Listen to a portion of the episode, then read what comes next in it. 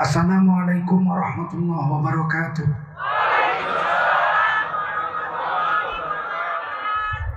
Hamdan wa syukran lillah wa salatan wa salaman ala rasulillah wa ala alihi wa sahbihi wa mawalah. Allahumma salli ala sayyidina wa habibina wa maulana Muhammadin wa ala alihi wa sahbihi ajma'in. Amma ba'du qala Allah ta'ala fi karim. أعوذ بالله من الشيطان الرجيم. بسم الله الرحمن الرحيم.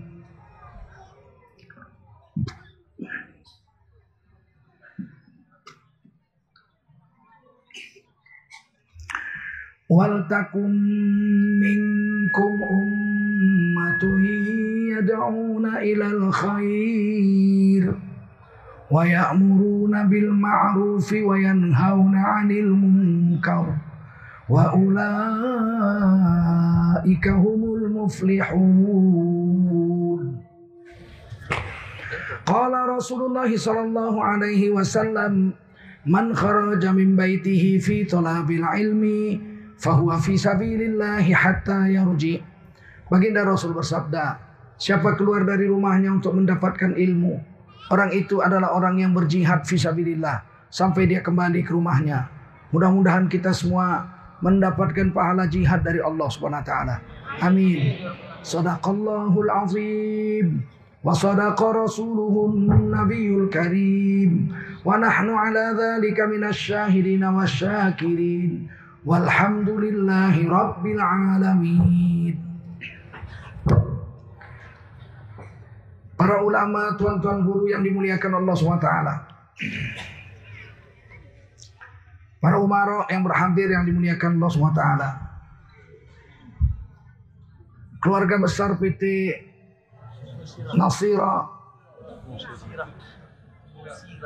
Nusira yang telah memberikan fasilitas tempat kepada kita. Saya teringat tahun 98 saya pernah sini ceramah dengan Kiai Haji Judin MZ almarhum. Sebelum saya pindah ke Jakarta, 99 saya pindah Jakarta. 98 saya pernah di sini dengan Kiai Haji Zainuddin MZ almarhum. Waktu itu Kapolseknya Bapak Suhadi. Beliaulah yang menangkap dukun AS. Sekarang beliau sudah pangkatnya sudah AKBP.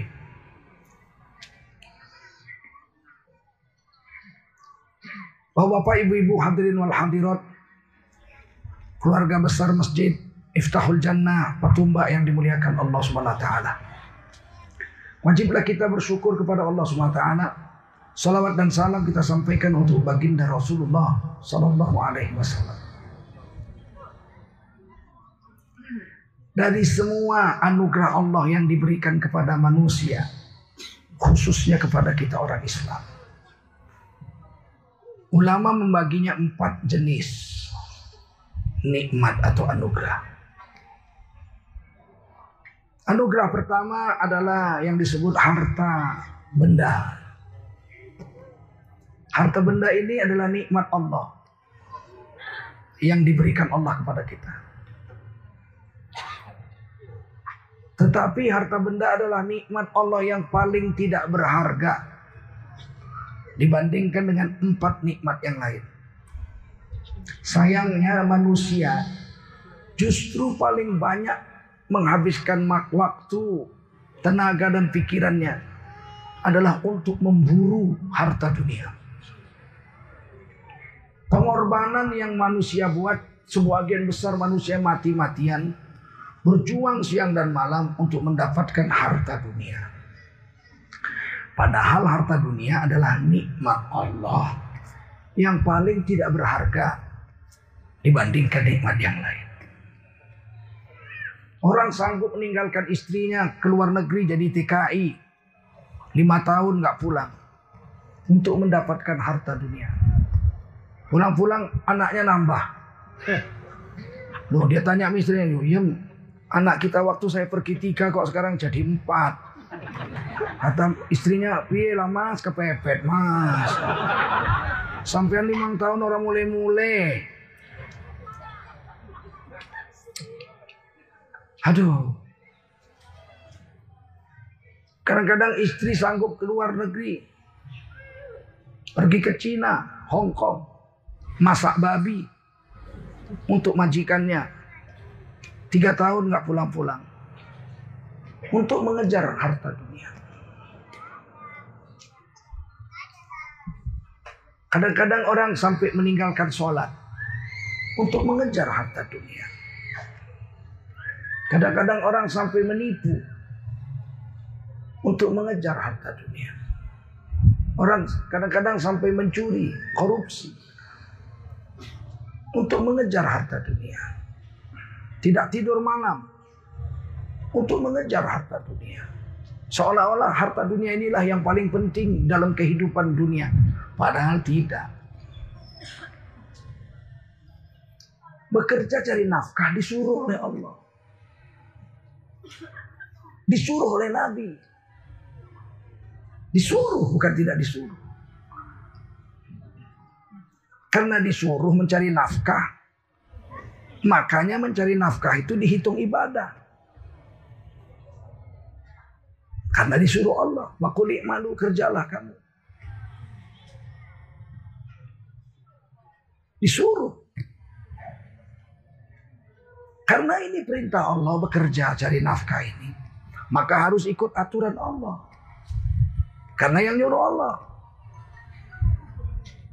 Kita disuruh majikan kita pergi kamu ke Jakarta. Hmm. Sampaikan ini berkas-berkas ini ke sana. Ya, kamu di sana dua hari nginep di hotel. Ini biayanya semua berangkat. Tentu dia berangkat ke sana mengikuti aturan bosnya. Bukan sampai sana dia pergi ke taman safari, lihat harimau, pergi ke Ragunan, lihat monyet. Dua hari kemudian dia pulang, berkas gak disampaikan. Kerja dia harus dia buat dulu. Ada aturan yang harus dia taati karena itu perintah majikannya. Mencari nafkah ini perintah Allah. Tentu ada aturan Allah yang harus diikuti. Tidak boleh seenaknya kita. Kalau kita bekerja menurut aturan Allah, Nabi bersabda, Al-kasibu minal halali karimun ala Allah Ta'ala. Orang yang cari nafkah dengan cara halal, itu manusia keramat di sisi Allah Subhanahu wa taala. Kita nyari orang keramat susahnya bukan main. Malah sampai nggak ada orang keramat, kuda jadi keramat. Ada keramat kuda kan? Tuh di mata pau kan. Ada keramat gajah. Gajah keramat. Cebok aja nggak bisa dia. Kuda keramat. Aduh, mandi junub aja nggak pernah. Yang keramat itu manusia yang soleh, yang taat kepada Allah Subhanahu. Salah satunya yang paling jelas dibilang Nabi, orang keramat adalah orang yang mencari nafkah dengan cara halal banting tulang peras keringat untuk mendapatkan rezeki yang halal sudah dapat dia gunakan untuk kasih makan istri dan anaknya dan dirinya dan menjalankan perintah-perintah Allah. Ini orang keramat di sisi Allah ini. Dulu waktu saya tinggal di Medan, saya naik Vespa. Satu hari saya lewat ada orang mecahkan aspal.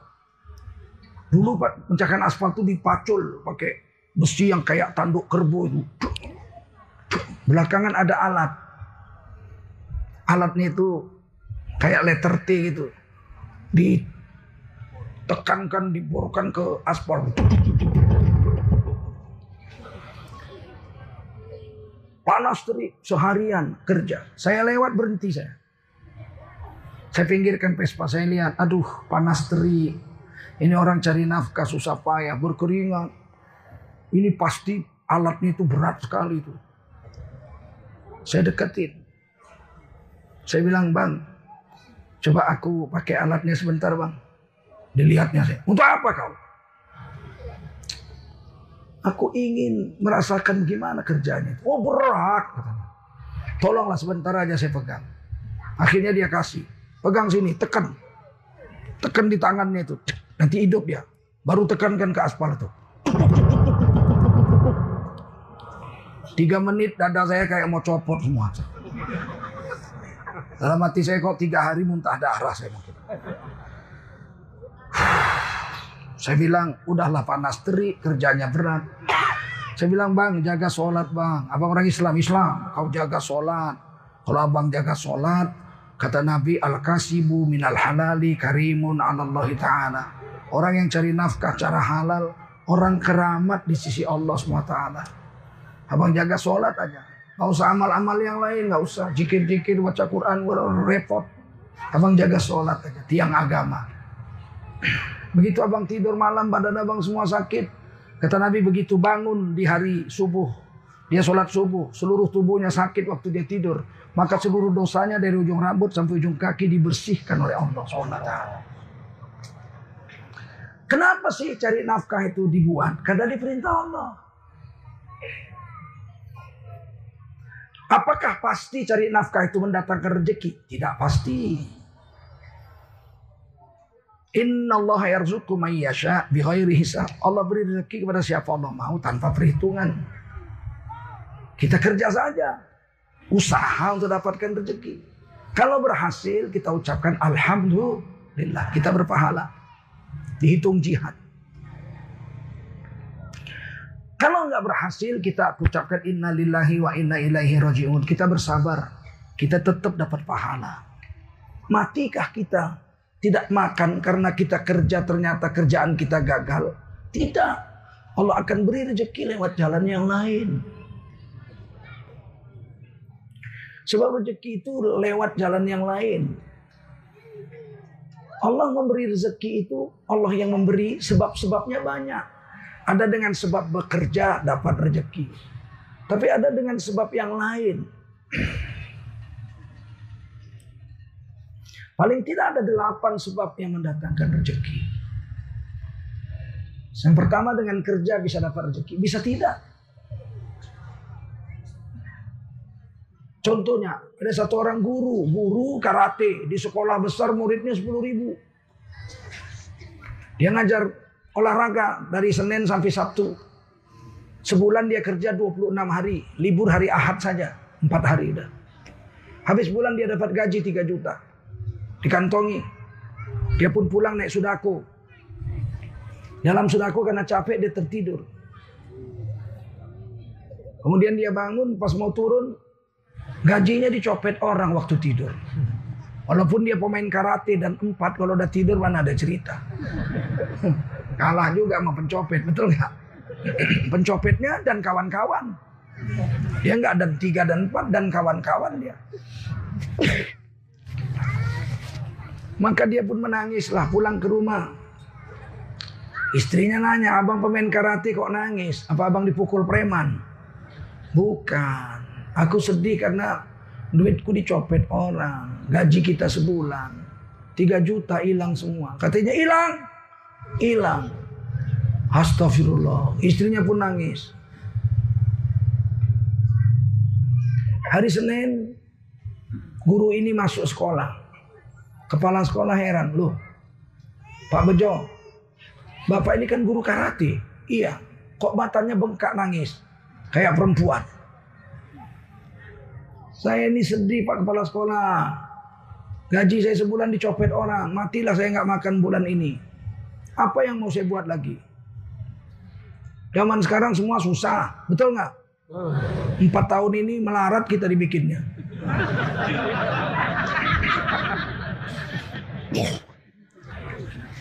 Ya, coba bayangkan zaman ini semua saya ditanya macam mana kabarnya susah. Jumpa kepala des Pak Lurah. Apa kabar Pak Lurah? Waduh, susah sekarang. Jumpa Pak Camat. Apa kabar Pak Camat? Waduh, susah sekarang. Ada pengajiannya aja kalau hadir lihat ustadznya. Kalau ustadz radikal saya bisa dipindahkan. Jadi kalau ada pengajian ya nggak berani datang sekarang susah.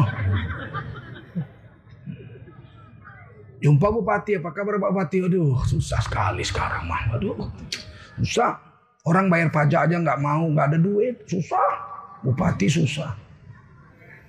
Jumpa gubernur, eh, apa kabar lu? Gubernur, hanya lu orang nggak tahu, eh orang-orang masuk penjara lu tahun lah. susah juga. Jumpa presiden, apa kabar Pak? Apa sampean nggak lihat badan saya tambah kurus? Susah juga.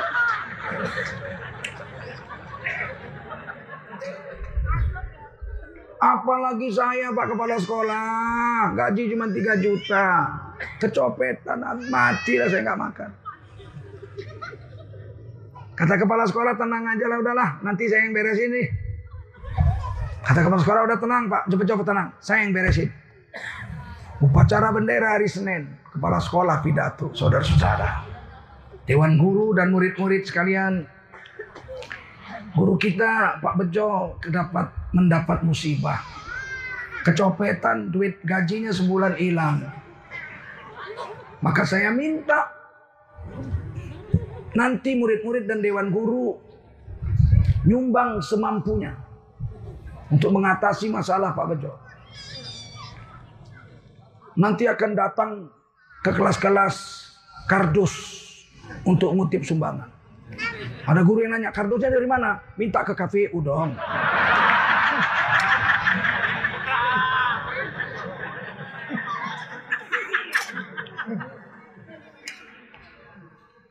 Maka jam pertama datanglah ke kelas-kelas minta sumbangan. 10 ribu murid dengan guru-guru. Habis sholat zuhur, Pak Bejo mau pulang.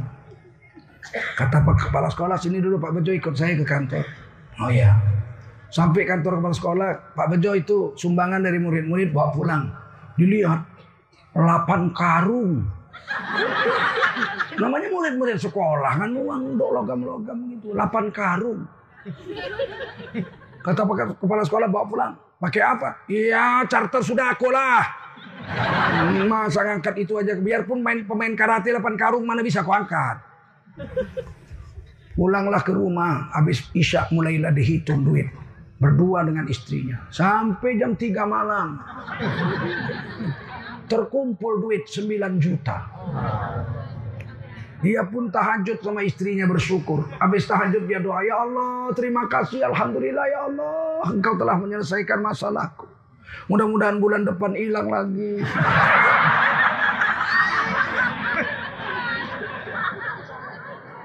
Lumayan hilang duit, hasil hasil kerja hilang, malah dapat tiga kali lipat gaji. Karena yang beri rezeki itu Allah. Bukan kerjaan itu. Kerjaan itu hanya asbab, sebab aja. Dapat alhamdulillah. Nggak dapat innalillahi. Tapi tauhid kita ini rusak. Kalau nggak kerja mana dapat duit? Kalau nggak kerja mana makan? Sehingga akhirnya kerja nyolong, menipu segala macam dibuat. Padahal berapa banyak orang yang tidak kerja dapat rezeki. Percaya? Berapa banyak orang nggak kerja? Siang malam makan minum tidur. Makan minum tidur. Dapat rezeki makan minum cukup. Siapa? Orang di penjara? Betul. 10 tahun penjara makan minum tidur. Makan minum nggak kerja makan dia. Anak istrinya ditinggal 10 tahun penjara. Keluar keluar gemuk istrinya. Mak kok gemuk kalian Alhamdulillah bang, selama 10 tahun gak ada yang nampari aku lagi. Senang hatiku. Rezeki bisa datang lewat kerja. Rezeki bisa datang lewat musibah.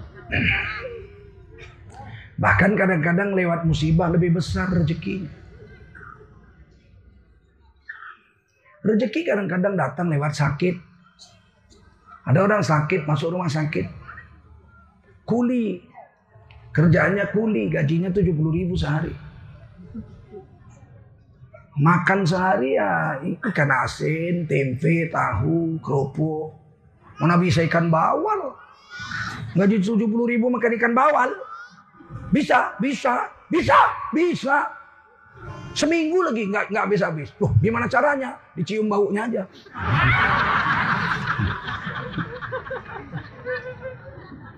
Kata anggota PDIP, anggota DPR DP, PDIP, 50 ribu katanya bisa makan tiga hari. Betul itu bu? 50 ribu bisa makan tiga hari, betul itu? Yang kuat jawab bisa. Saya pun saya coba juga besoknya saya belanja di gerobaknya Lik Saring di kompleks saya. Saya mau belanja, saya lihat di gerobaknya itu ada mangga bagus sekali, mangga harum manis. Saya bilang tuh mangga dua plastik saya beli. Ya, berapa? 50 ribu. Saya lihat gitu, mangga 2 kilo 50 ribu. Bisa makan tiga hari. Bisa sih, tapi mencret. Cuma makan mangga toh. Sekarang hidup tambah susah. Rezeki bisa datang lewat sakit. Ini kuli makan tiap hari kerupuk, tahu tempe, gaji cuma 70 ribu. Tiba-tiba masuk rumah sakit. Ya Allah, tidur di rumahnya cuma tempat tidurnya dari kayu, pakai alas tikar aja. Begitu masuk rumah sakit pakai tilam busa. Betul nggak? Biniknya di rumah pendek, tonggek, pesek, jelek. Begitu di rumah sakit yang menyuapinya perawat gadis kerudung putih. Cantik pula macam Sahrini.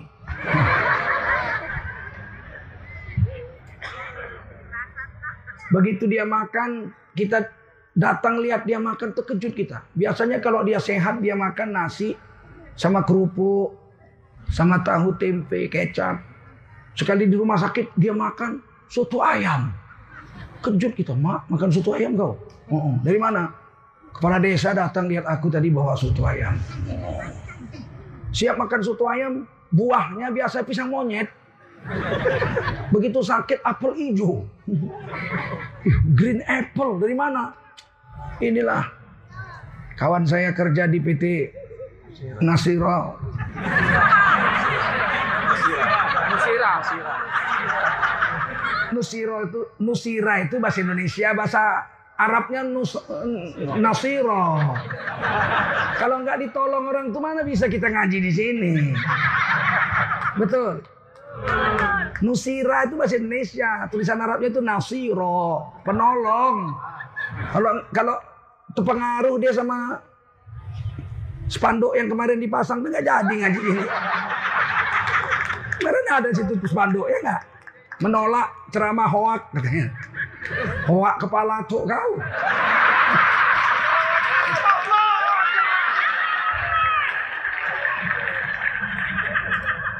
Ini ceramah betul-betul bukan ceramah hoak.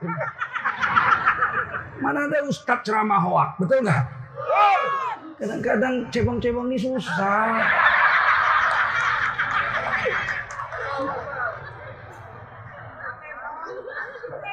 Bilangnya ustadz abal-abal. Cuman modal jenggot, serban jubah pakai daster, udah jadi ulama. Ya tes lah kalau bisa. Nah, coba kau pakai jubah serban jenggot, coba jadi ulama kau, ceramah kau. Kalau nggak ama bakdu, ama bakdu, ama bakdu.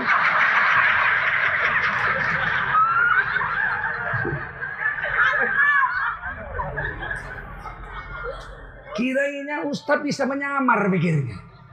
Nggak bisa pura-pura jadi Ustadz, nggak bisa. Baru aja buka udah salah. Bismillahirrahmanirrahim. Assalamualaikum warahmatullahi wabarakatuh. Alhamdulillah. La kalau kalau kata ilah bilah. Udah ketahuan. Nah, nggak bisa nyamar jadi Ustadz. Betul? Sakit kau, jiwamu tuh sakit. Kebanyakan makan micin kau.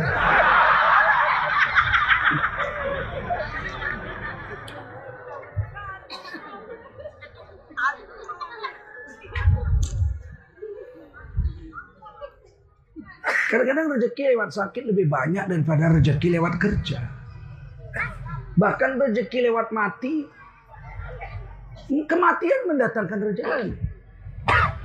Kadang-kadang rezeki lewat kematian itu lebih besar dari rezeki lewat kerja. Ribuan kali lipat. Dulu ada pekerja, buruh terbaik, diangkat ke Jakarta naik kapal terbang. Baru nikah Istrinya baru hamil 4 bulan. Pergi ke Jakarta dapat penghargaan. Buruh terbaik se-Indonesia. Pulang naik kapal terbang lagi. Ternyata kapal terbangnya mendarat di sawah-sawah. Mati semua satu kapal terbang itu. 100 orang mati semua. Termasuklah buruh terbaik itu mati. Istrinya nangis-nangis. Ya Allah, suami baru nikah. Baru hamil empat bulan, mati. Siapa lagi yang akan tempat bergantung saya? Yang cari rezeki selama ini suami saya itu telah mati. Nangis-nangis berhari-hari. Tiba-tiba kira-kira sebulan datang. Wali kota datang. Kepala kantor Garuda Indonesia datang. Kepala asuransi jiwa 1912 datang ke rumah perempuan itu camat kepala desa datang menghibur begini begini begini terakhir dikasih amplop. Inilah asuransi kecelakaan kapal terbang dan lain-lain dikasrahkan sama istrinya ini cuman selembar kertas tipis begitu mereka pergi istrinya robek itu amplop dilihat cek. 1,5 miliar. Hilang nangisnya Jangan-jangan tahajud malam doa ya Allah kawin lagi mati aja lagi nggak apa-apa. Dapat 3 miliar.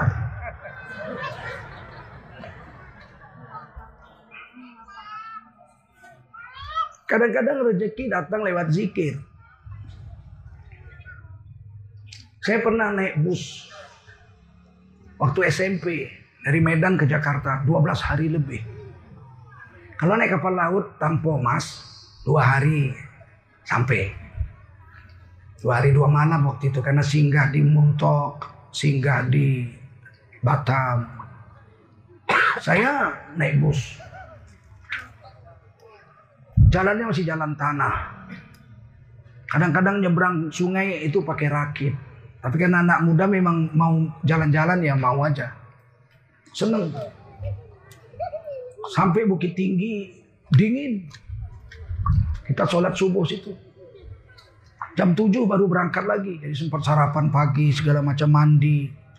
Saya naik ke bus, duduk paling depan. Kira-kira jam 7, bus sudah mau berangkat, udah semua orang udah naik. Tiba-tiba di belakang saya dengar orang berzikir. Subhanallah walhamdulillah wa la ilaha illallah wallahu akbar. Subhanallah walhamdulillah wala ilaha illallah wallahu akbar. Lagunya sampai sekarang saya masih ingat itu. Subhanallah walhamdulillah wala ilaha illallah wallahu akbar. Saya lihat ke belakang ada apa sih? Rupanya ada orang buta. Orang buta berzikir sambil mengulurkan tangan. Subhanallah alhamdulillah Wala ilaha illallah. Sampai depan. Saya kasih terus dia turun, saya ikut turun. Saya tanya, ah, Mbak aku kerja. Aiko lah, cara awak mengalih. Mata ndak ada lah, ilah butuh. Gitu bahasanya.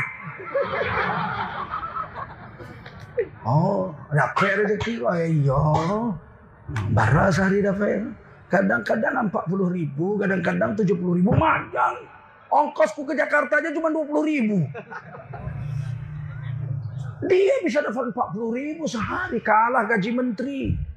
Padahal dia cuma zikir main-main aja.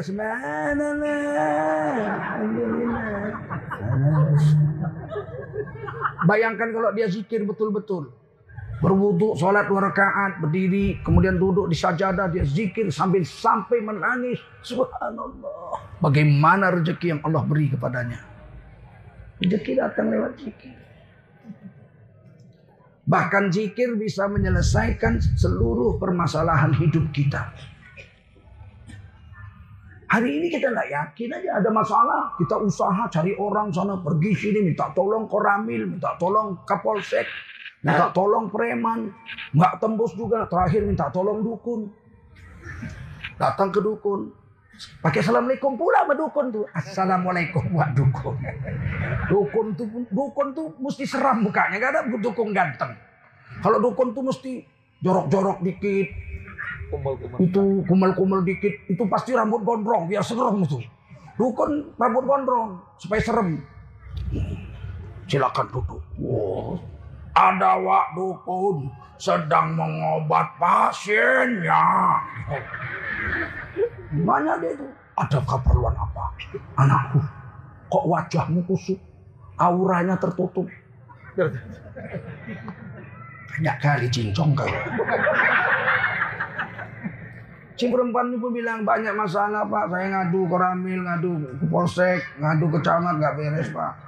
Apa sih masalahnya? Masalahnya suami saya mau kawin lagi. Oh, itu gampang. Maksudnya mau cerai terus gantikan saya. Bukan waktu dukun saya maksudnya supaya nggak jadi kawin suami saya. Ini dia fotonya si kampret itu.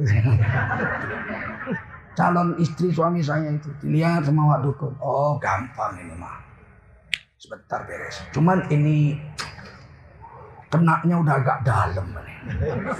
Jadi ini duitnya ya sedikit maharnya agak mahal. Ya nggak apa-apa Pak Dukun kalau sembuh beres. Ya ini maharnya seekor kambing. Tapi jangan bawa kambing sini bau duit aja. Tiga juta setengah. Lagi nggak bawa duit Pak Dukun. Oh kita ada gesek, boleh gesek. Dukun sekarang. BCA boleh, Bank Mandiri boleh. Dukun. Hmm. Oke lah, bayar tiga juta setengah. Nah, obatnya diambilnya air putih. Dibacakannya materi.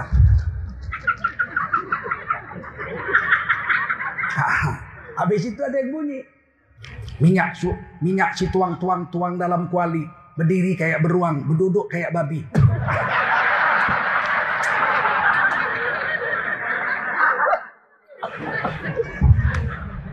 apa menyelesaikan masalah lewat dukun? Paham? Kata Nabi, kata Allah, selesaikan lewat zikir.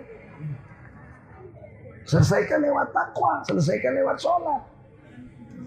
Siapa yang menyelesaikan bikin? Zaman sekarang ini kalau nggak ada duit nggak bisa. Hepek nama ngatur dekaron.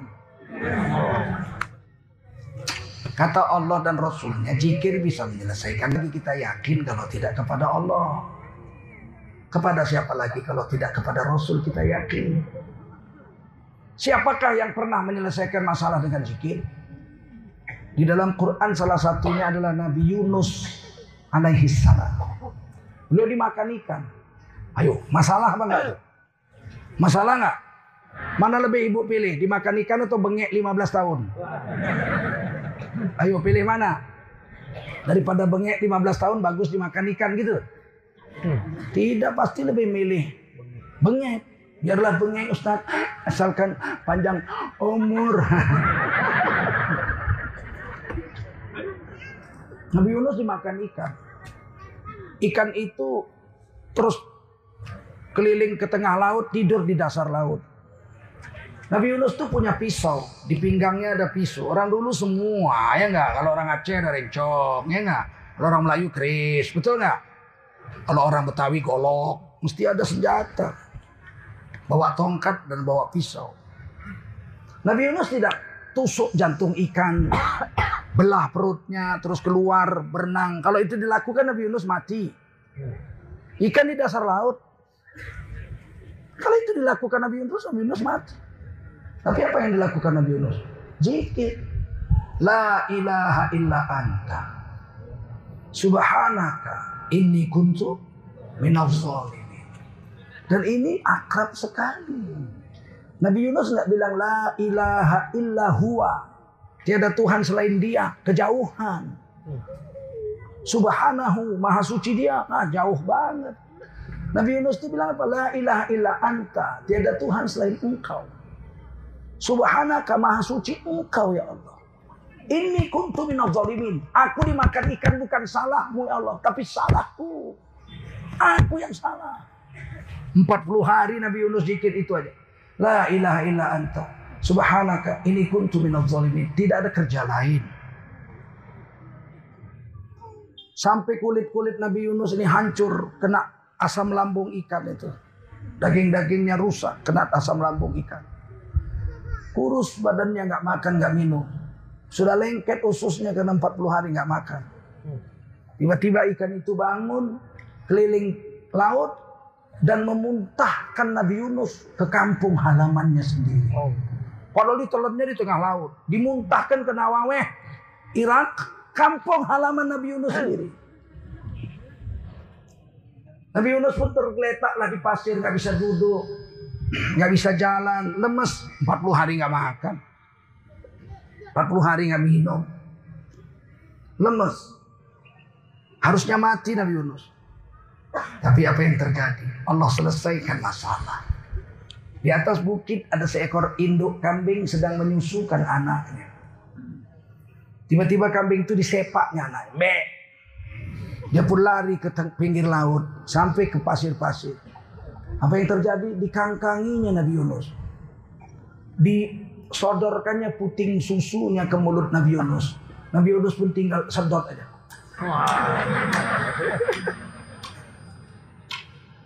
Sampai kenyang Nabi Yunus, kambing itu pergi makan rumput lagi. Sekian jam kemudian Nabi Yunus datang datangi lagi oleh kambing itu. Dikangkangi lagi. Nabi Yunus minum susunya.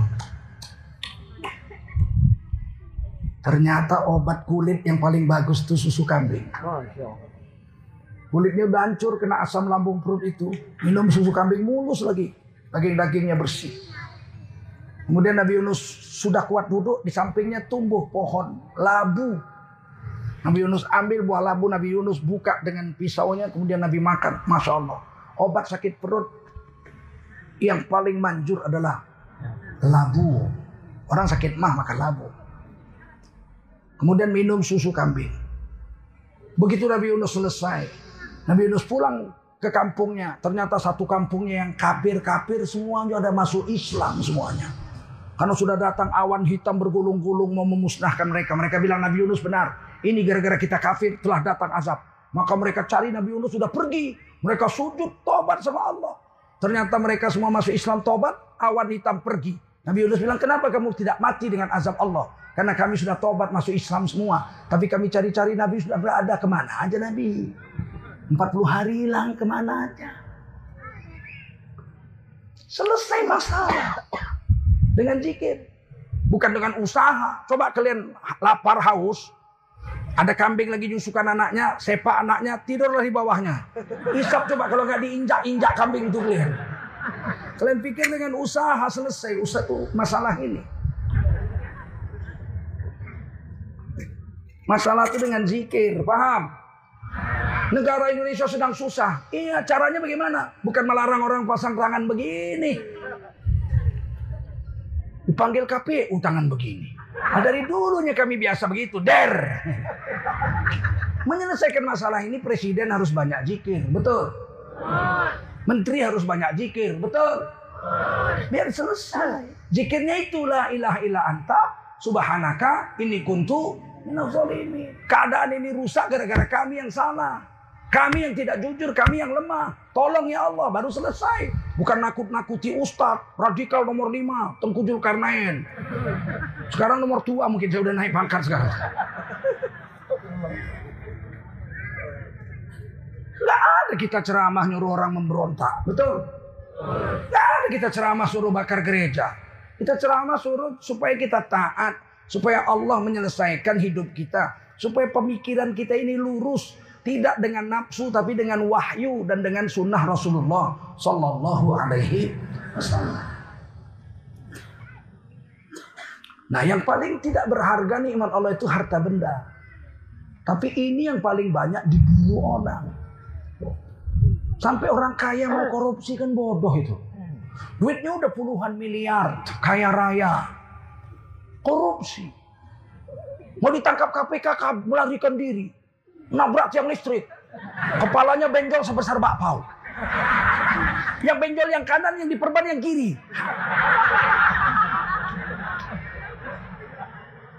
Kenapa sudah kaya aja kok nyolong lagi sih? Karena dia pikir harta benda yang paling berharga. Padahal tidak. Adakah yang lebih berharga dari harta benda? Ada. Apa? Sehat. Apa? Sehat. Orang rela membuang harta bendanya demi sehat. Betul? Ada orang sesak napas. Udah seminggu. Bawa ke dokter diperiksa.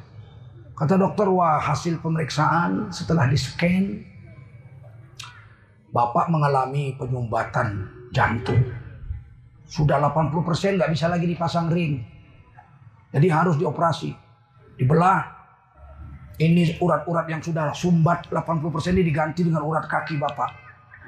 Berapa lama itu operasinya dokter? Ya sekitar 6 sampai 12 jam lah. Mak, biayanya berapa?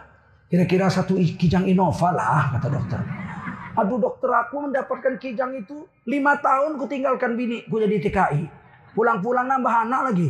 Macam mana aku mau menjual mobil itu demi sehat? Kata dokter terserah. Kalau mau sehat, jual mobil saya obati. Kalau kamu sayang mobil silakan pulang nggak usah berobat. Kalau saya nggak berobat bisa hidup. Enggak, jiun. Jiun itu apa sih dokter? Innalillahi wa inna ilaihi rajiun. Terus dia bilang apa? Kalau begitu ialah dokter biarlah aku nggak punya mobil asal jantungku sehat. Ternyata lebih penting sehat daripada harta.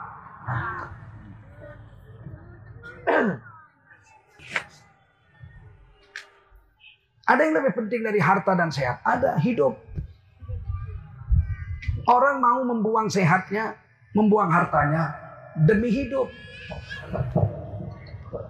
Ada satu orang sakit, kakinya busuk. Dibawa ke dokter, kata dokter, waduh ini diabetes kronis. Bapak terlambat kemarin harus dipotong kaki bapak. Jangan dipotong dokter, duit saya ada 70 miliar. Dokter ambil 5 miliar. Asal kaki saya tidak dipotong. Tidak bisa, mesti dipotong, kaki udah busuk. Kalau nggak dipotong, kalau nggak dipotong bapak game over.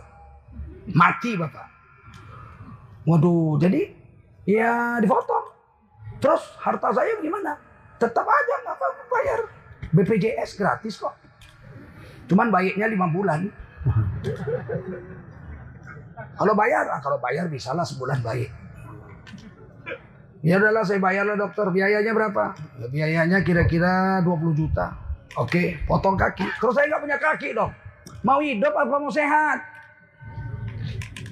Oh, saya mau hidup. Ah udah, nggak punya kaki asal hidup. Daripada kakimu nggak dipotong kau mati, milih mana? Ayo, milih kaki tetap utuh tapi mati, atau milih hidup tapi kaki nggak punya? Dia bilang biarlah saya nggak punya kaki dokter, asal saya masih hidup. Ah, ternyata hidup lebih berharga dari sehat dan har. Ada orang naik mobil Land Cruiser baru, bawa istri, istri muda, Istri mudanya itu tujuh kali lebih cantik dari Sahrini. Angek kalian. Nah, kalau bini muda sumbing mana kalian? Angek. Laki kalian kalau mau kawin pasti kalian marah, betul? Kenapa? Karena lebih cantik dari klien. Kalau suami kalian kawin lagi dengan istri kedua sumbing, kalian nggak marah tuh. Sumbing ini, ini bang ya mainkanlah bang terserah. Dan kan iri hati kan lebih cantik aja, betul. Eh, kawin lagi boleh nggak dalam Islam? Yang kuat jawab boleh. Boleh. Kalian setuju nggak? Kalian setuju nggak? Nah, boleh tapi kan? Ah, betul itu itu betul. Kawin lagi itu dalam Islam mubah boleh, tapi aku nggak setuju. Jangan bilang nggak boleh, haram itu kawin poligami itu tidak boleh, haram. Ah, itu PSI itu. Kawin lagi boleh, betul. Cuman aku tak suka, kan gitu. Jangan bilang haram itu, gak boleh. Kalau poligami dilarang, Ibu Megawati nggak lahir. Paham? Foto presiden di istana hilang satu. Bung Karno, Pak Harto, Pak Habibie, oh, Gus Dur, yang kelima nggak ada fotonya. Keenam SBY. Ketujuh Pak Jokowi. Loh yang kelima mana? Nggak lahir poligami nggak boleh. Bung Karno kan poligami. Betul nggak? Makanya jangan asal jeplak lu eh. PSI. Lu nggak tahu orang Islam tuh 230 juta di Indonesia, betul? Mari kita sama-sama tidak usah coblos dia. Setuju? Setuju. Ini karena belum apa-apa udah lancang. Saya kami kalau menang kami akan larang perda syariah. Enak aja kau.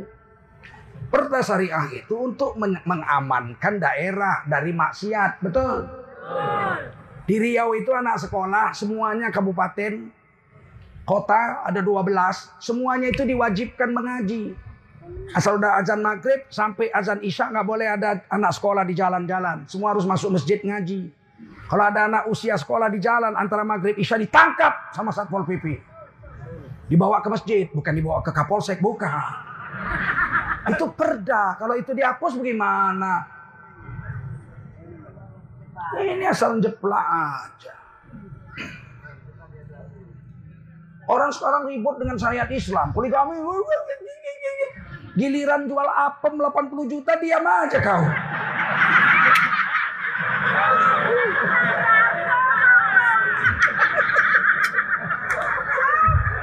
Nggak ditangkap, betul nggak? Pelakunya nggak ditangkap, yang menjinahinya nggak ditangkap, yang ditangkap celana dalamnya aja warna biru. Aku pun nggak ngerti Indonesia nih, aduh, rusak kali, betul nggak? Cocoknya ganti presidennya. Cocok nggak?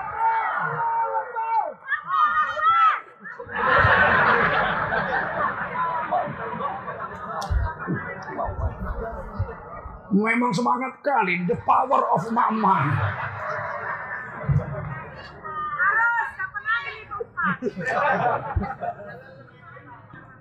Ya. Ternyata hidup itu lebih berharga dari harta dan sehat. Lagi bawa istri muda dicegat sama perampok. Perampoknya 8 orang naik sepeda motor. Pinggir! Pinggir lah di sawit-sawit sana kan. Masih adanya lagi petumbak sawit-sawit? Atau udah kalian garap semua? Ini ngeri nih, perkara menggarap harta negara nih sekarang. Wah. Tapi kalau kita yang garap 100 meter aja kita udah di macam-macam. Tapi kalau keturunan Cina yang garap satu juta hektar kebun sawit aman saja. Kadang-kadang jengkel juga ini, jengkel ini. Tapi apalah dibuka, mau dibuat apalah jengkel jengkel lah. 17 April masih lama.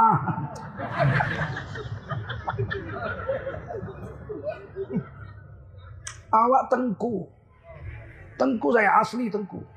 Dari ujung rambut sampai ujung kaki tengku asli. Mau punya tanah di Medan beli aku. Nggak ada garap-garap.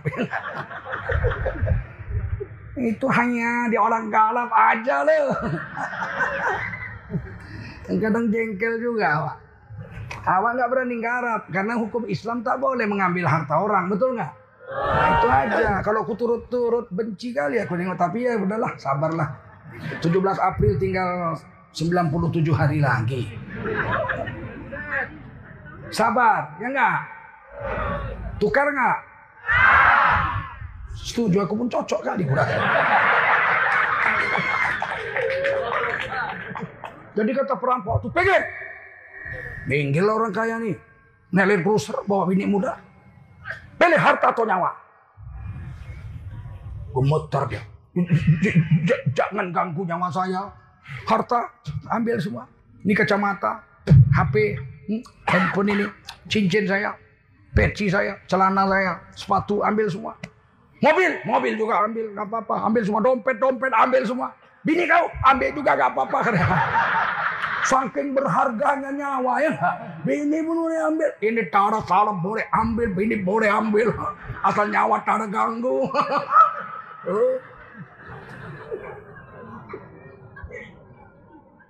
Ternyata yang paling berharga adalah hidup.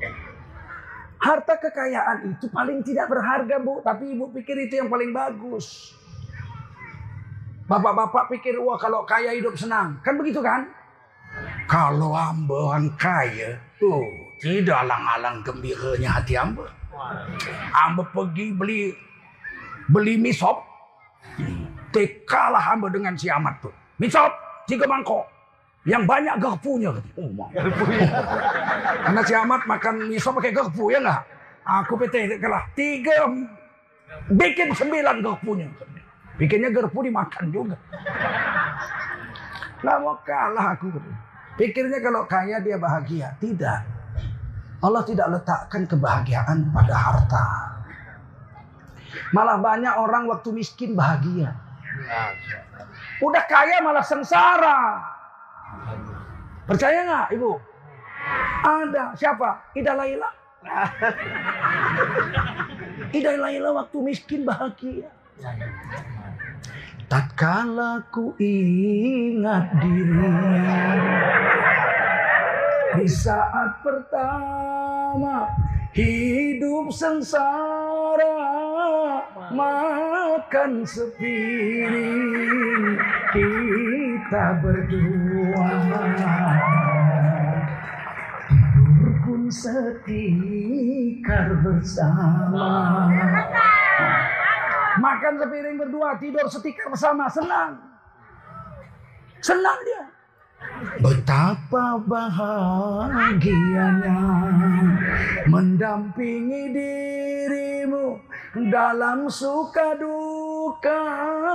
Walaupun hujan basah berdua demi cinta aku pun rela bukan main ya gak? Makan sepiring bersama, tidur stiker berdua, hujan bocor basah bersama, bahagia waktu miskin. Betul. Tiba-tiba suaminya jadi tim sukses.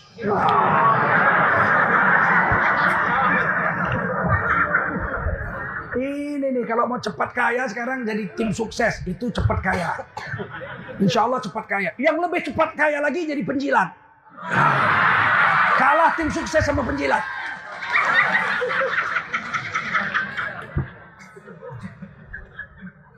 Jadi tim sukses.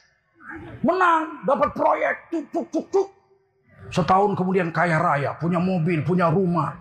Ya Allah, dulu waktu miskin, tanah disewa, sewa tanah.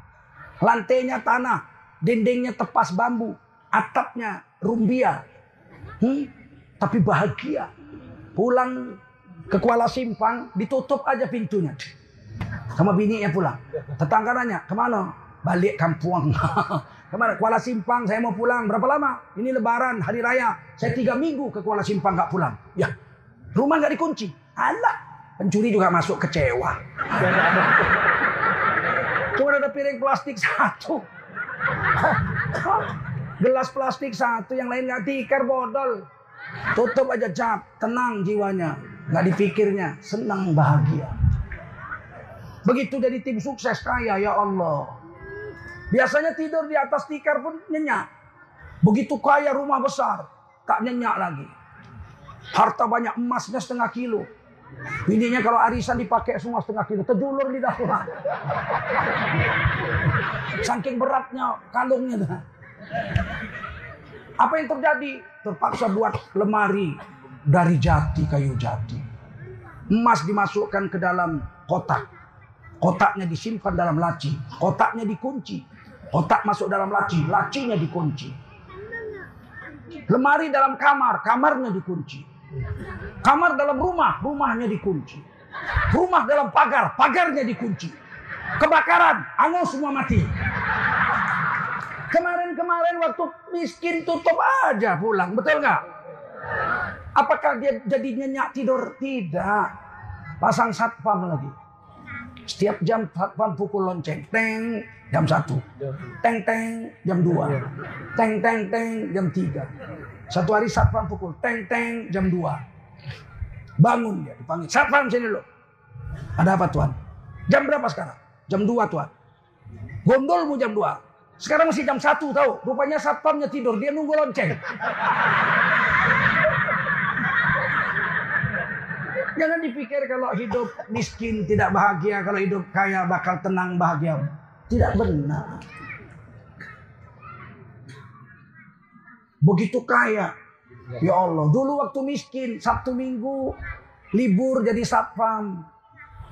Oh, libur, bikin keripik ubi, disambal. Istrinya yang menggoreng, dia yang memotongi keripik ubi. Cap, cap, cap, cap, disambal, dijual di SD negeri. Berkeringat biniknya dilapnya pakai Sabar saya. Abang masih miskin. Kita berjuang sama-sama jual keripik ubi. Siapa tahu dalam ubi ada emas. Udah gila. Istrinya pun dipeluk lakinya langsung letakkannya wajahnya di ketiak suaminya. Enggak bau deh, asam sedikit banget. Bahagia waktu miskin, betul. Jual keripik ubi di SD negeri. Sabtu minggu suami ikut memotong. Tiba-tiba udah kaya, udah jadi direktur. Sabtu minggu tak pulang lagi. Istrinya bingung, Sabtu minggu nggak pulang. Ditelepon suaminya. Bunyi handphone suaminya. Kriung, kriung, kriung, kriung. Tertulis itu. Kopassus. Laki ini pun kurang ajar. Asal bini dibikinnya Kopassus. Kalau selingkuhannya dibikin direktur utama. Tengok Kopassus. Terus saja kriung-kriung diangkatlah. Apa kabar ini? Bang, Tio, abang di mana? Lagi di jalan. Abang, kenapa Sabtu Minggu nggak pernah lagi pulang, bang? Ya nggak ada keripik ubi lagi mau dibuat. ya tapi kan kita bisa senang-senang bang. Sabtu Minggu dulu kita susah, sekarang udah senang. Pergi sama-sama, kenapa sih bang? Nggak bisa. Saya ini lagi turne. Turne tahu, turne. Kata istrinya, oh turne ya bang. Iya, hati-hatilah kalau gitu abang turnenya ya. Iya, matikan HP. Selingkuhnya nanya, turne itu apa bang? Turu kono, tur kene.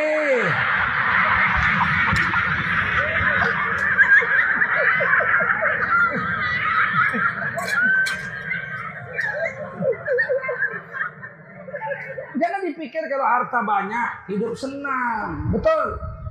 Kalau beginilah keadaan ibu pilih mana? Miskin pilih miskin bahagia atau pilih kaya begitu coba? pilih Aduh bagus sekali bu. Kalau aku pilih kaya bahagia bu.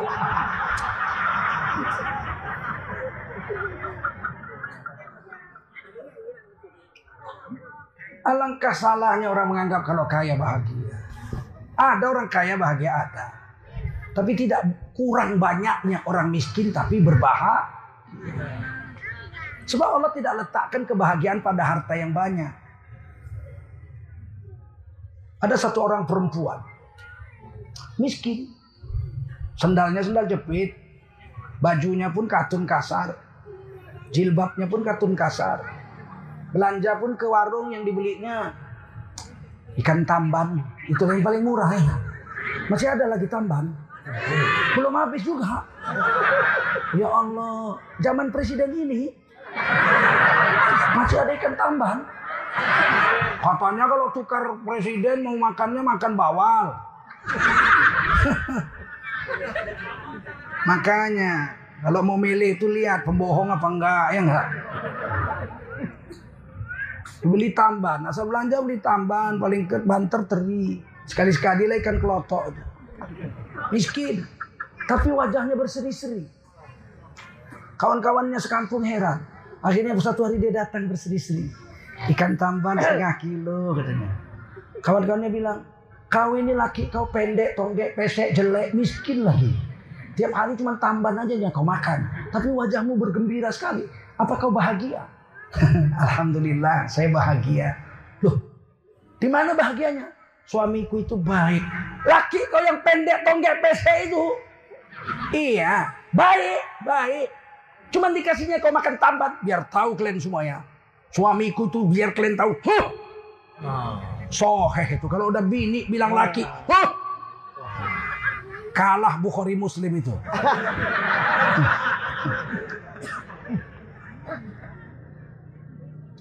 Tiba-tiba ada orang kaya belanja ke mall.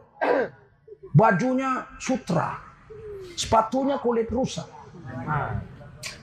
cincinnya mutiara, subangnya berlian, kalung 700 gram. Tas kulit rusa. Belanja ke mall. Jumpa kawan-kawannya yang lain. Dibilang, aduh mbak, mbak lah orang paling bahagia di dunia. Suami ganteng, kaya raya, mobil mewah, rumah besar, baju sutra, sepatu kulit rusa, hmm, tas kulit harimau. Masya Allah, kurasa manusia paling bahagia di dunia ini adalah mbak. Karena mbak orang kaya, laki ganteng, semua keinginan dipenuhi. Tiba-tiba perempuan itu nangis. Cukuplah aku yang tahu bagaimana perasaanku. Aduh, udah habis. Habis. Tidak Allah letakkan kebahagiaan pada harta. Yang Allah letakkan kebahagiaan itu pada agama. Pada apa?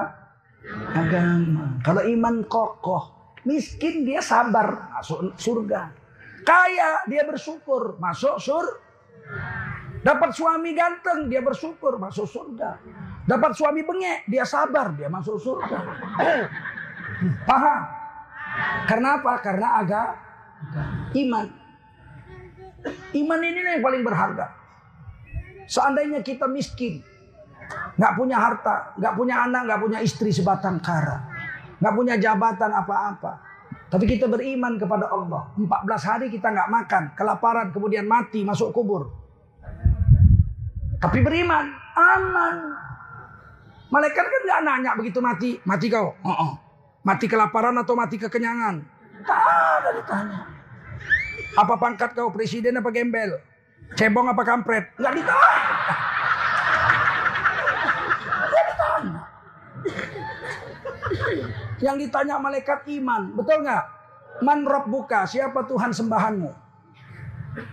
Dia jawab, Rabbi Allah, yang ku sembah seumur hidupku Allah, nggak ada yang lain. Selamat. Ma imamuka, kitab apa pedoman hidupmu? Apa pedoman hidupmu? Al-Quranul Karim, aman. Metro tipu, kena tepuk.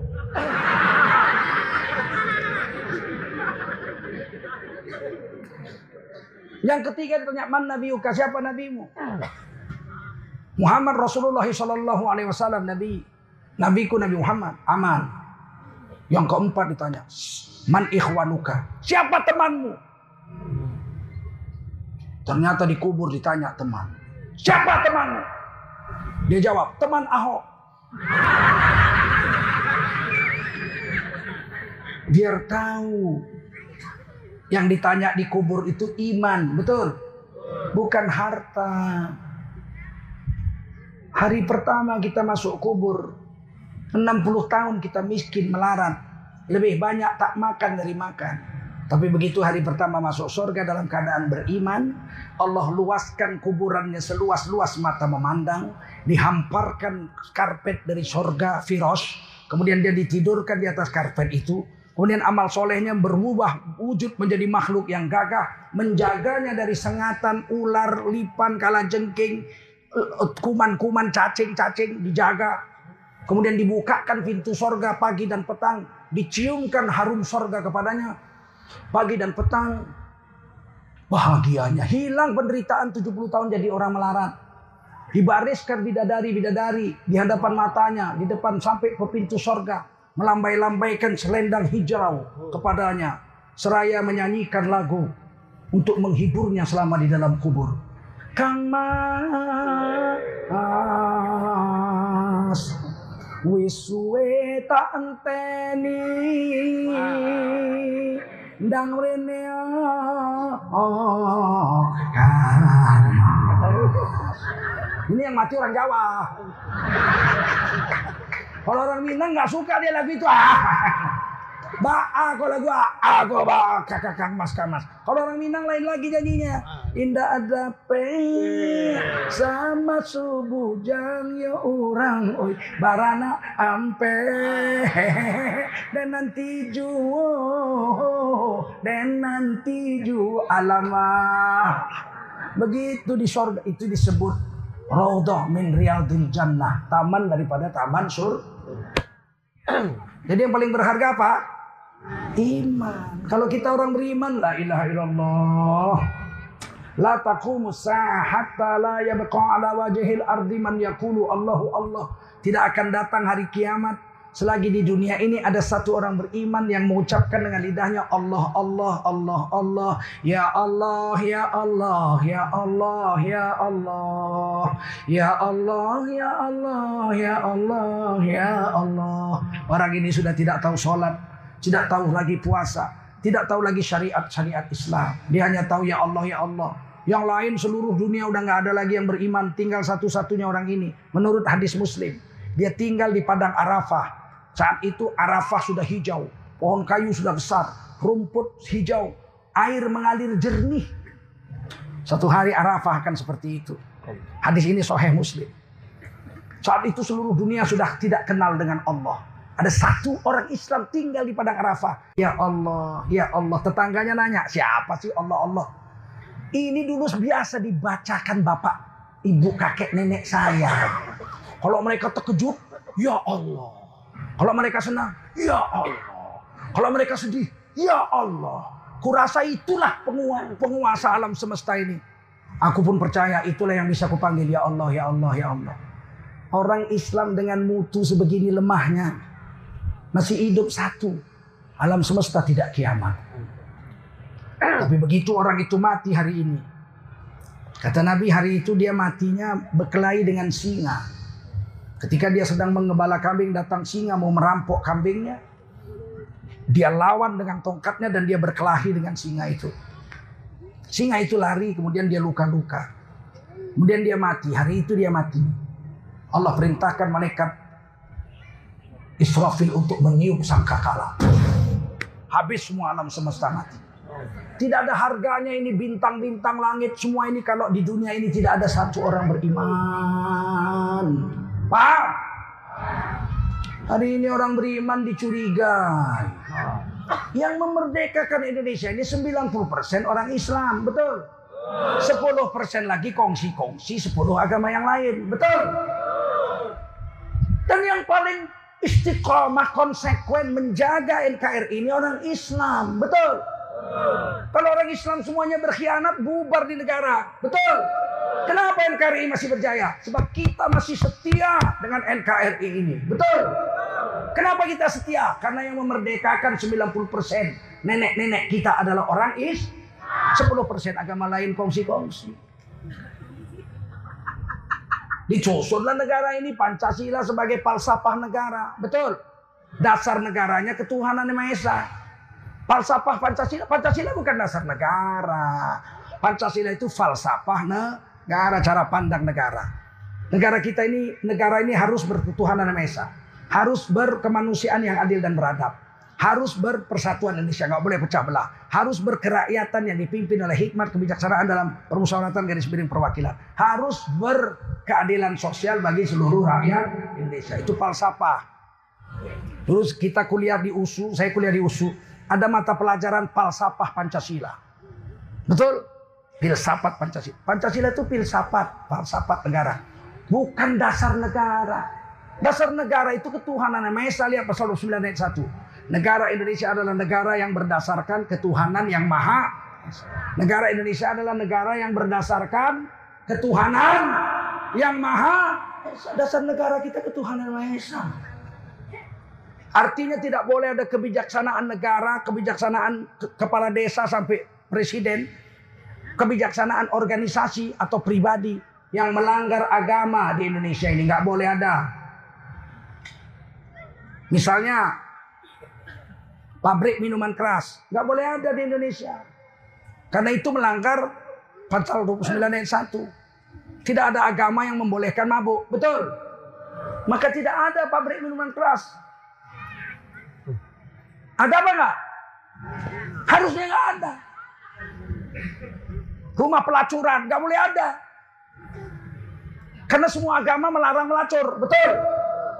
Tidak boleh ada rumah perjudian karena semua agama melarang berjudi. Ini negara berdasarkan ketuhanan yang maha dan yang paling konsekuen menjaga itu orang Islam. Nggak pernah ada ketangkap, ada rumah judi ketangkap, diperiksa yang punya Haji Jainuddin. Mungkin itu. Nggak ada. Ditangkap rumah pelacuran yang punya Hajah Jubaidah. Ada? Nggak ada. Justru orang Islam yang paling konsekuen menjaga NKRI tetap berdasarkan ketuhanan yang maha. Pasal 2. 29 ayat 2. Negara menjamin tiap-tiap warga negara untuk memeluk agama garis miring kepercayaan dan menjalankan agama garis miring kepercayaannya masing-masing. Negara menjamin kita 100% menjalankan ajaran Islam. Negara menjamin. Negara menjamin orang Hindu yang kurang dari satu persen. Tinggal di Bali mereka 85 persen di sana. Seluruh total Indonesia kurang dari satu persen. Negara menjamin orang Bali untuk memeluk agama Hindu dan menjalankan ajaran Hindu. Betul. Hari raya Nyepi mereka bikin peraturan daerah.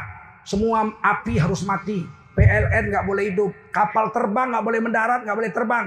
Airport internasional Gusti Ngurah Rai Bali ditutup. Tidak ada airport di dunia yang ditutup.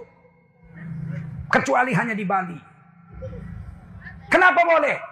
Karena negara menjamin tiap-tiap negara-negara untuk menjalankan aga, agama. Dan kita mengatakan lakum dinukum. Hari Jumat jatuh, hari raya Nyepi. Kita nggak boleh azan pakai mikrofon. Kita nggak boleh jadi imam pakai mikrofon. Kita nggak boleh ke masjid pakai sepeda motor. Harus naik sepeda atau jalan kaki. Kita lakukan. Kenapa? Karena kita sudah sepakat negara menjamin tiap-tiap negara-negara untuk menjalankan memeluk dan menjalankan agamanya masing-masing. Giliran orang Islam dicurigai. Ngaji aja susahnya bukan main. Saya beritahu sama semua kalian dan semua yang nonton video ini. Di Indonesia orang yang mau berkumpul dan mengeluarkan pendapat tidak perlu izin. Mau demo aja nggak perlu izin. Cuman perlu pemberitahuan aja ke polisi. Kami mau demo. Yang demo berapa orang? 10 ribu orang. Pemberitahuan saja. Apalagi ngaji. Ngaji ini nggak perlu izin. Nggak ada peraturan negara. Ngaji disuruh izin. Panitia cukup datang ke polsek pemberitahuan. Kami akan ngaji. Ustadznya Tengku lain. Yang datang kira-kira seribu orang. Sudah. Polisi berwajib berkewajiban mengamankan. Seandainya ustadznya ngawur ceramahnya. Yang ditangkap ustadznya. Bukan panitianya. Paham? Jadi kalian jangan takut ditakut-takuti, takut-takuti. Ini negara punya pasal 28, kemerdekaan untuk berkumpul dan mengeluarkan pendapat. Kita ini harus melek hukum. Orang Islam Indonesia ini jangan bodoh. Kita banyak, kita 230 juta orang. Sisanya lima agama lain lagi 32 juta. Kita paling banyak 230. Masa kita mau ngaji aja dicurigai-curigai? Kemarin yang di Batang Seri batal karena kapolseknya nelepon-nelepon panitia-panitianya nggak berani. Ini main apa ini polisi? Polisi itu mengamankan bukan nakut-nakuti, tahu? Aku heran kali aku pegawai negeri 30 tahun. Ini pegawai negeri 30 tahun bukan pengkhianat negara. Bapakku ikut berjuang memerdekakan Indonesia. Pejuang kemerdekaan bapakku. Dengan Tengku Nurdin. Tengku Nurdin itu bapaknya Tengku Eri, bapaknya Tengku Rizal Nurdin. Itu sepupu saya Tengku Nurdin itu. Bapak saya itu pamannya Tengku Nurdin. Usia 14 tahun bapak saya ikut perang tahu. Mengungsi sampai ke Lau Pakam, perbatasan Aceh, kota Cani sana, Lau Sigala. Curigai, curigai. Nggak bisa jadi pegawai negeri ini kalau ada bau-bau PKI. Betul? Zaman dulu pegawai negeri di Litsus. Betul? Curigai-curigai, kurang ajar kau semua.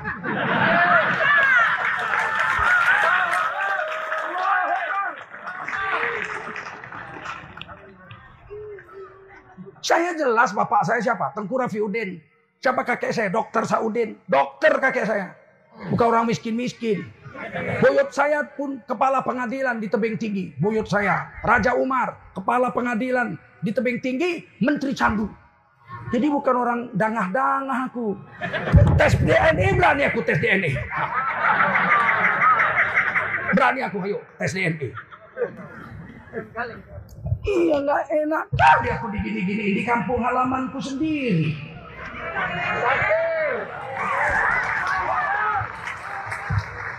Saya ini lahir di Putrijo, rumah sakit PTP 9 dulu namanya rumah sakit PPN perusahaan perkebunan negara. Bapakku direktur keuangan waktu di situ.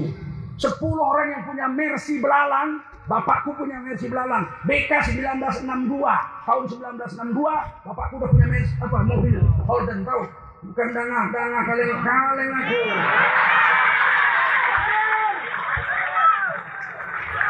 Sombong, sombong, bukan sombong, cuma mau ngasih tahu orang cebong-cebong bodoh.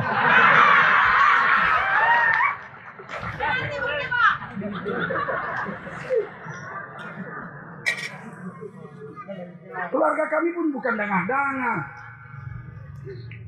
Adik bapak saya yang nomor dua perempuan, suaminya kolonel polisi. Kombes sekarang namanya dulu kolonel. Waktu masih abri kolonel, sekarang kombes. Bukan kempes, bukan kombes. Istrinya Tengku Jenazah Wahir, bibi kandung saya. Itu anggota DPR di Kabupaten Simalungun. Dari praksi Golkar waktu itu. 10 partai tahun 71. Sudah DPR. Paman saya nomor 3 Tengku Amiruddin kepala bagian tanaman di PTP 9. Istrinya dekan Fakultas Sartra USU. Dr. Anda Hajah Masindan.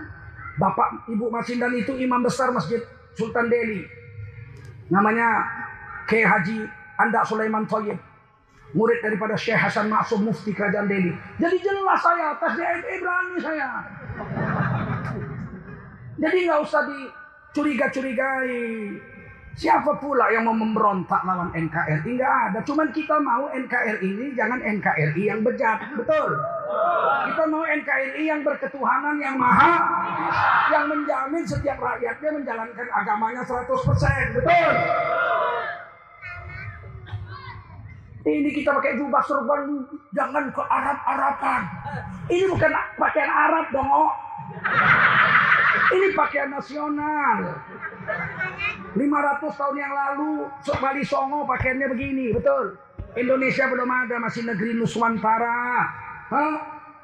Pangeran Diponegoro, belum ada Indonesia, pakaiannya begini. Ditulis di bawahnya Pangeran Diponegoro pahlawan nasional, begini bajunya. Tuanku Imam Bonjol pahlawan nasional, begini bajunya. Kalau gitu ini baju apa? Baju nasional, jangan dicuriga-curigai. Kenapa harus pakai jubah? Jadi kau mau aku pakai cawat?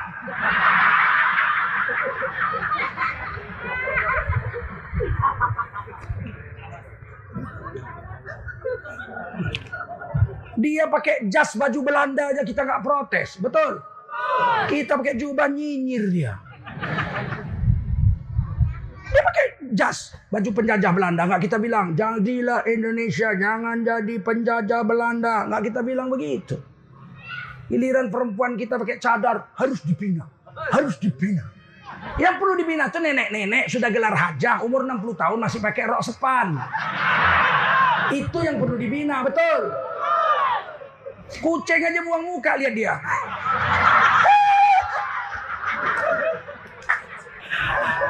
Ini perlu saya buka pengajian ini supaya akal kita ini cerdas, betul? Jangan beku. Ini ceramah itu harus adem, menebarkan kesejukan. Ceramah itu membuat orang cerah, cerdas, betul? Beramar ma'ruf dan bernahi.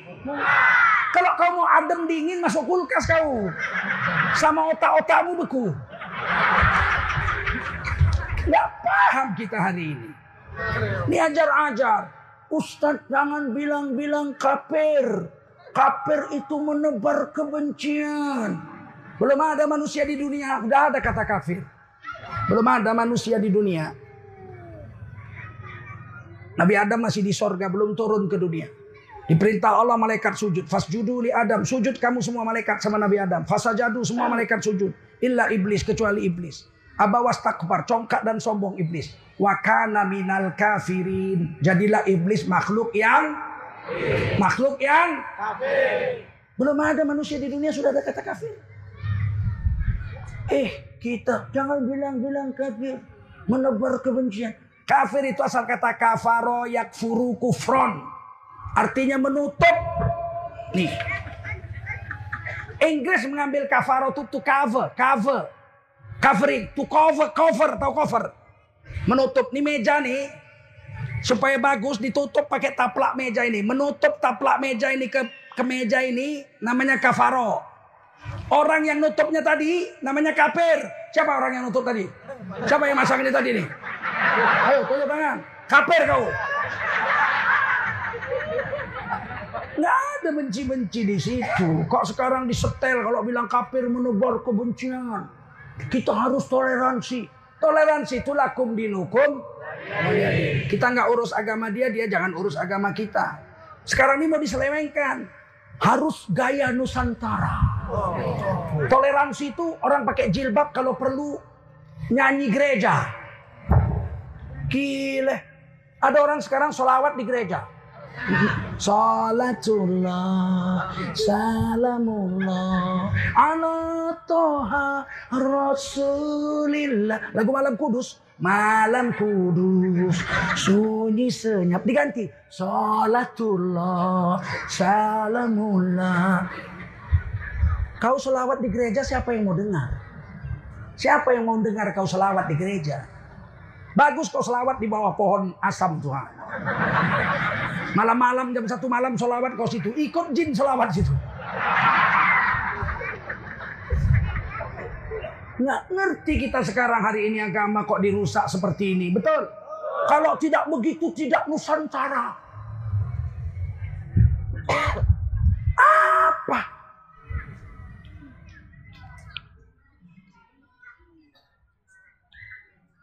Ustadz ceramah mau diatur-atur. Jangan bilang begini Ustaz. Jangan bilang begini Ustaz. Ustaz cerita kebangsaan jadi begini Ustaz. Jangan bilang-bilang kafir Ustaz. Iya, aku belum pandai buat minggu sudah ngaji aku. Dia yang ngatur-ngatur ngucap nama Tuhan aja salah. Lah kalau kalau kata bilang-bilang. Memang pantas lah itu dibacakannya nggak Al-Fatihah.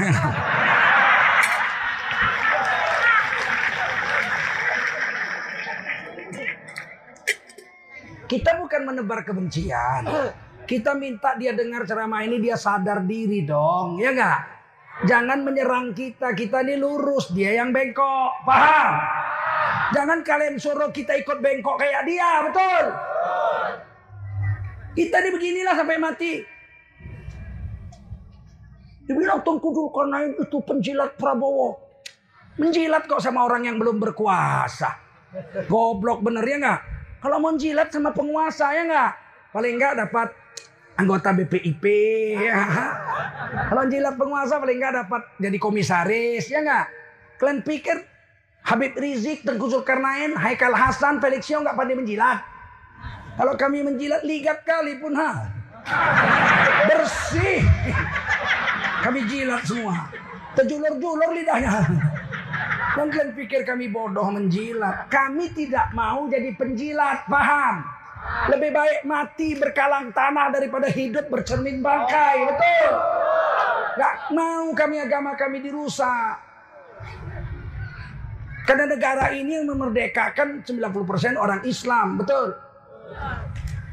Kita mau Indonesia ini jadi NKRI yang abadi sampai hari kiamat. NKRI yang baldatun, toyibatun, warobun, wafur. Sehingga kita mati, saya mati. Meninggalkan istri, anak, dan cucu saya, saya tenang. Negeri ini negeri yang soleh. Tidak ada homosek, nggak ada lesbian, nggak ada pabrik minuman keras. Semua orang disuruh ibadah dengan agamanya masing-masing. Tenang kita. Ini undang-undang KUHP diminta ke Mahkamah Konstitusi Supaya delik zina itu jangan lagi delik aduan, tapi delik umum. Karena kalau delik aduan nggak ada yang ngadu, nggak bisa ditangkap. Delik aduan itu pasal sekarang itu perzinahan, itu warisan Belanda. Kalau ada orang berzina di kampung ini kumpul kebo, kumpul kebo tahu? Kumpul monyet sama aja itu. Cuman di sini namanya kumpul kebo.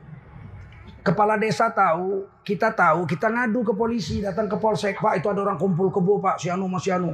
Polisi nggak bisa nangkap. Karena yang mengadu itu tidak legal standing.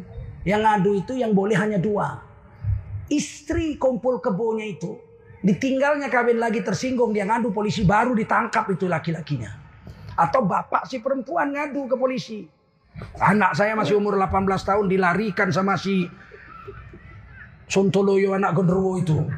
Baru polisi bisa tangkap karena anak di bawah umur. Tapi kalau udah 21 tahun ke atas, bapaknya pun ngadu nggak diterima sama polisi. Itu aturan negara, KUHP.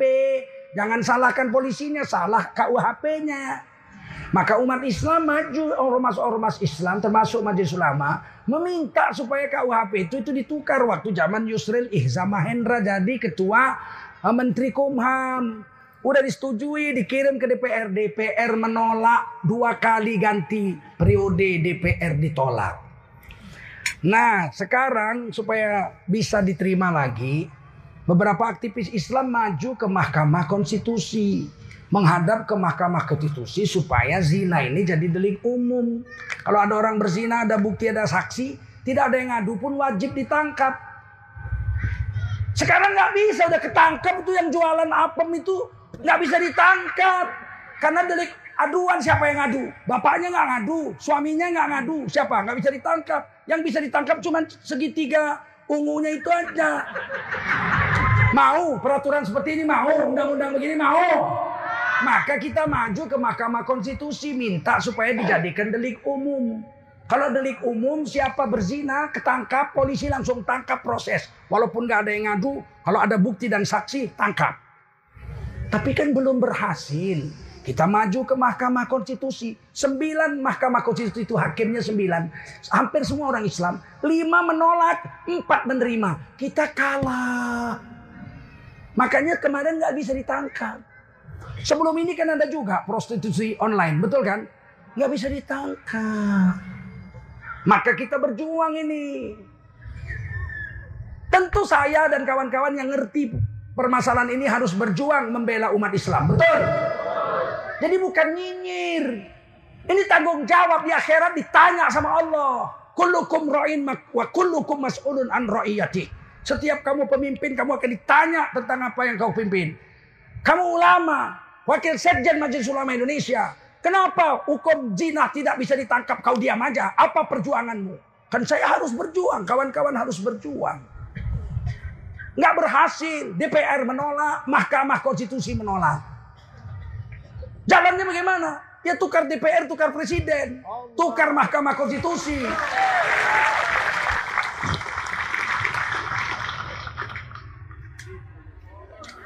Waktu minta ke Mahkamah Konstitusi itu, zina mau diminta jadi delik umum, sekaligus lesbian dan homosek, karena sekarang sudah ngeri kali, betul? Ditolak sama MK. Sehingga sekarang kalau ada laki-laki, laki-laki kumpul dalam satu rumah, digerebek sama polisi, kemudian dapat telanjang bulat semua. Kata polisi, ngapain kalian sini? Aduh terong om, itu nggak bisa ditangkap. Kan kasihan polisinya, betul nggak? Cuma bisa ditangkap, diamankan, bawa kantor polisi, besok dilepas. Karena tidak ada pasal yang bisa menjerat dia. Pasal homoseks nggak ada. Mau ini diteruskan negara ini dalam keadaan begini? Mau? Saya membuka ini bukan membuka aib. Ini kenyataan yang terjadi pada umat Islam. Bukan membuka aib, ini kan direkam ini. Tiga hari yang lalu saya ke Yogyakarta, ketemu ketua Mahkamah Konstitusi, dia salami saya. Saya sudah dengar ceramah-ceramah Bapak. Ah, baguslah kalau begitu. Kita perlu diskusi. Boleh, kapan ada waktu panggil, kita diskusi. Gak ada masalah. Orang kita nggak mempermalukan orang kok. Ini kita bicara kepentingan negara dan kepentingan agama serta kepentingan anak cucu kita yang hidup di NKRI ini, betul?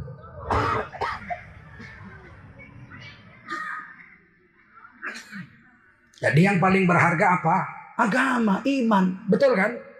Biar nggak makan nggak apa-apa, asal beriman lah. Nggak penting betul. Tapi hari ini orang menganggap agama tidak penting. Orang menganggap yang penting itu kedudukan dunia, pangkat jabatan. Dan ustadz-ustadz pun banyak yang tergiur. Pura-pura bodoh hanya dengan masalah umat diam. Yang penting selamat. Yang penting. Dipikirnya selamat dia dengan diam. Orang yang melihat kemungkaran diam pikirnya selamat. Di dunia mungkin dia selamat, di akhirat enggak. Man ra'a minkum munkaran falyughayyirhu biyadihi.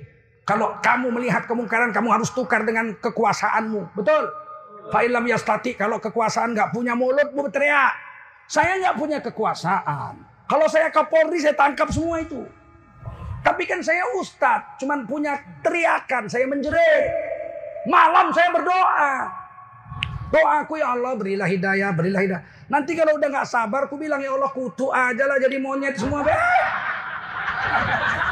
Sekarang masih ya Allah berilah hidayah ya kan? Ya Allah berilah hidayah. Sekarang masih begitu doa.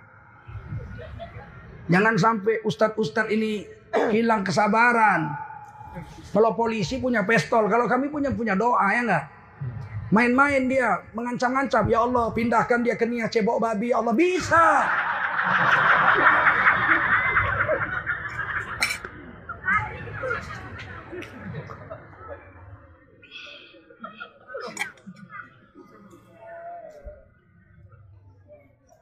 Kalau nggak sanggup berteriak, fa'ilam yastati fabi qalbihi.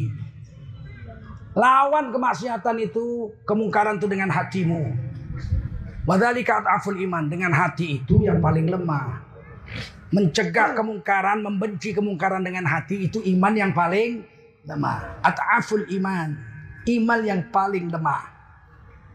Kenapa Rasul bilang kalau cuma benci dengan hati iman paling lemah?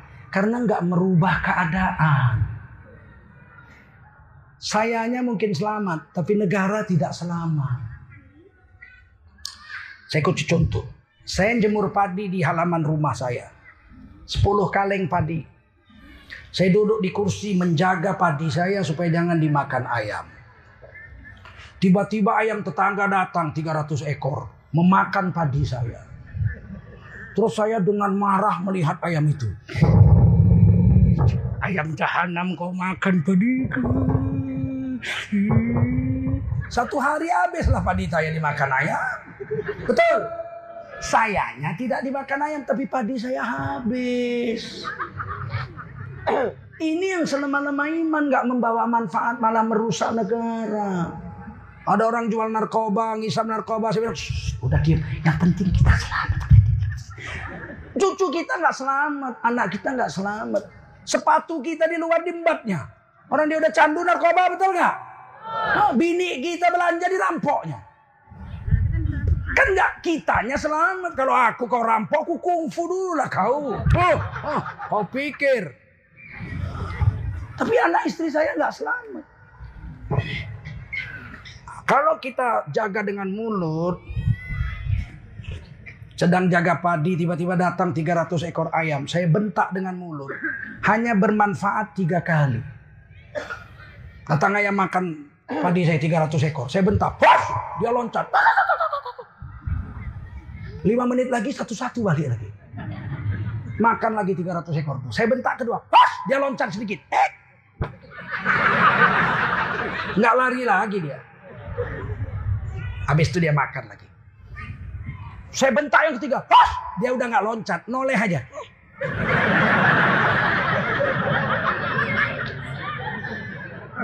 Satu menit kemudian dia makan. Saya bentak yang keempat, Hah! dia yang keempat noleh pun nggak bantai kau lah. Paling hus hajanya kau. Habis padi. Bagaimana supaya selamat? Dengan tanganmu. Datang 300 ayam makan padi kita. Ambil sapu lidi itu, kejar-kejar. Dia pun larinya sampai terjungkang-jungkang. Loncat sana kejar-kejar. 10 menit kita kejar-kejar. Lempar dengan sapu, loncat dia ke mana-mana. Habis itu duduklah kita di kursi. Baca surah Yasin. Yasin wal Qur'anil Hakim. Ayam tuh nengok. Oh masih ada si sorban tuh. Ya. Sampai sore dia lihat, mak kalau ini masih ada bahaya. Udah cari padi lain aja lah. Itulah maka Rasulullah menyuruh kalau melihat kemungkaran dengan kekuasaanmu.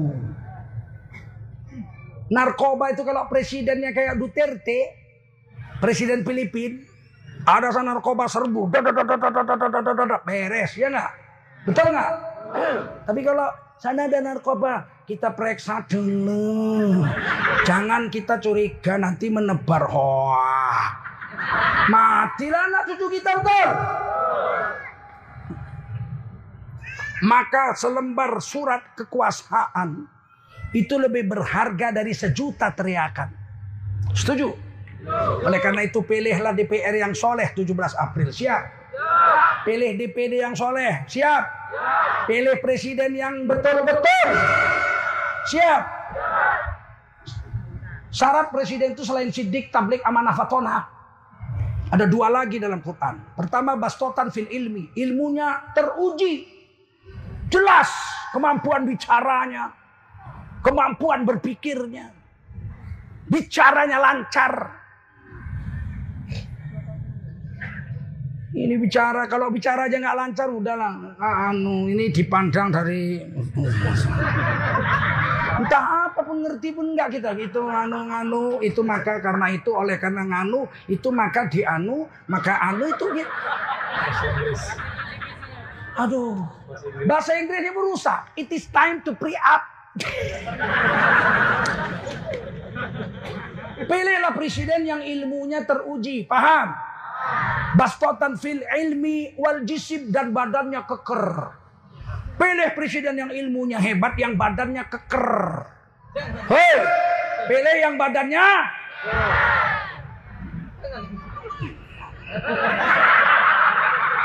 Yang bilang Quran surah Al-Baqarah, betul. Bukan aku nipu-nipu. Ini ustadz betul nih, bukan abal-abal ini. Ini bukan modal serban jenggot aja nih. Kan kalian kenal sama aku sejak kecil, betul?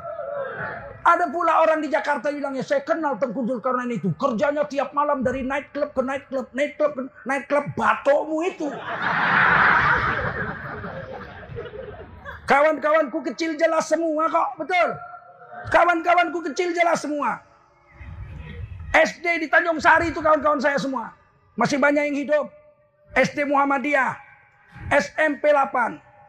Dari Medan Tuntungan dulu pindah. Ujian di SMP 8. SMA Negeri 4 Medan. Kuliah di Fakultas Sastra USU. Jelas kok kawan-kawanku. Ini Ustadz Jalil kawanku lama nih. Betul nggak? Emang pernah aku masuk naik club naik club? Memang ngibulin kau. Memang nama kau itu harusnya ngibulin ya enggak? Enak aja dibilangnya pula aku pergi ke night club night club. Beginilah baiknya awak dari kecil ya enggak? Enggak pernah aku menyolong ayam sekalipun. Kawan-kawanku SD dia bilang sama saya, eh kita colong tebu. Ngapain diminta pun dikasih. Ini tebu-tebu kakekku sendiri. Kakekku pelit. Asal diambil tebunya marah, dia tunggu besar. Dan akhirnya kita, kita, kita perlu makan sekarang. Ayo kita curi. Mencuri tebu kakek kawan saya. Saya bilang nggak mau aku, kau curi sendiri aku nggak mau. Kalau aku mau aku tinggal jumpa kakekmu, mbah. Aku kepingin mangan tebu. Am, dia yang motongkan. Orang bapakku bos kok di kampung itu. eh, bukan kaleng-kaleng ini.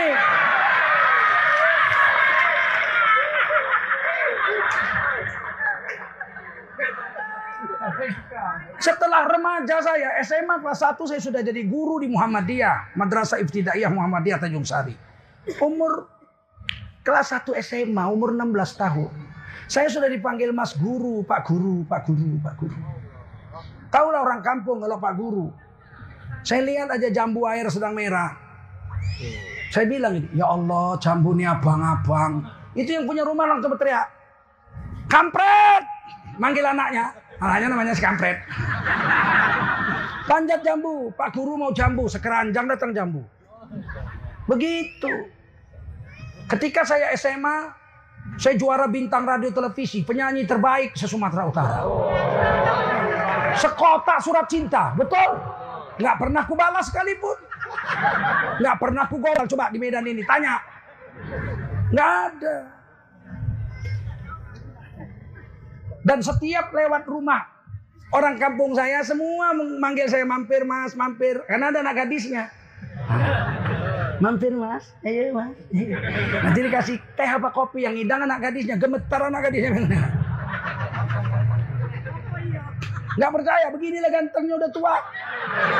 Macam mana waktu muda.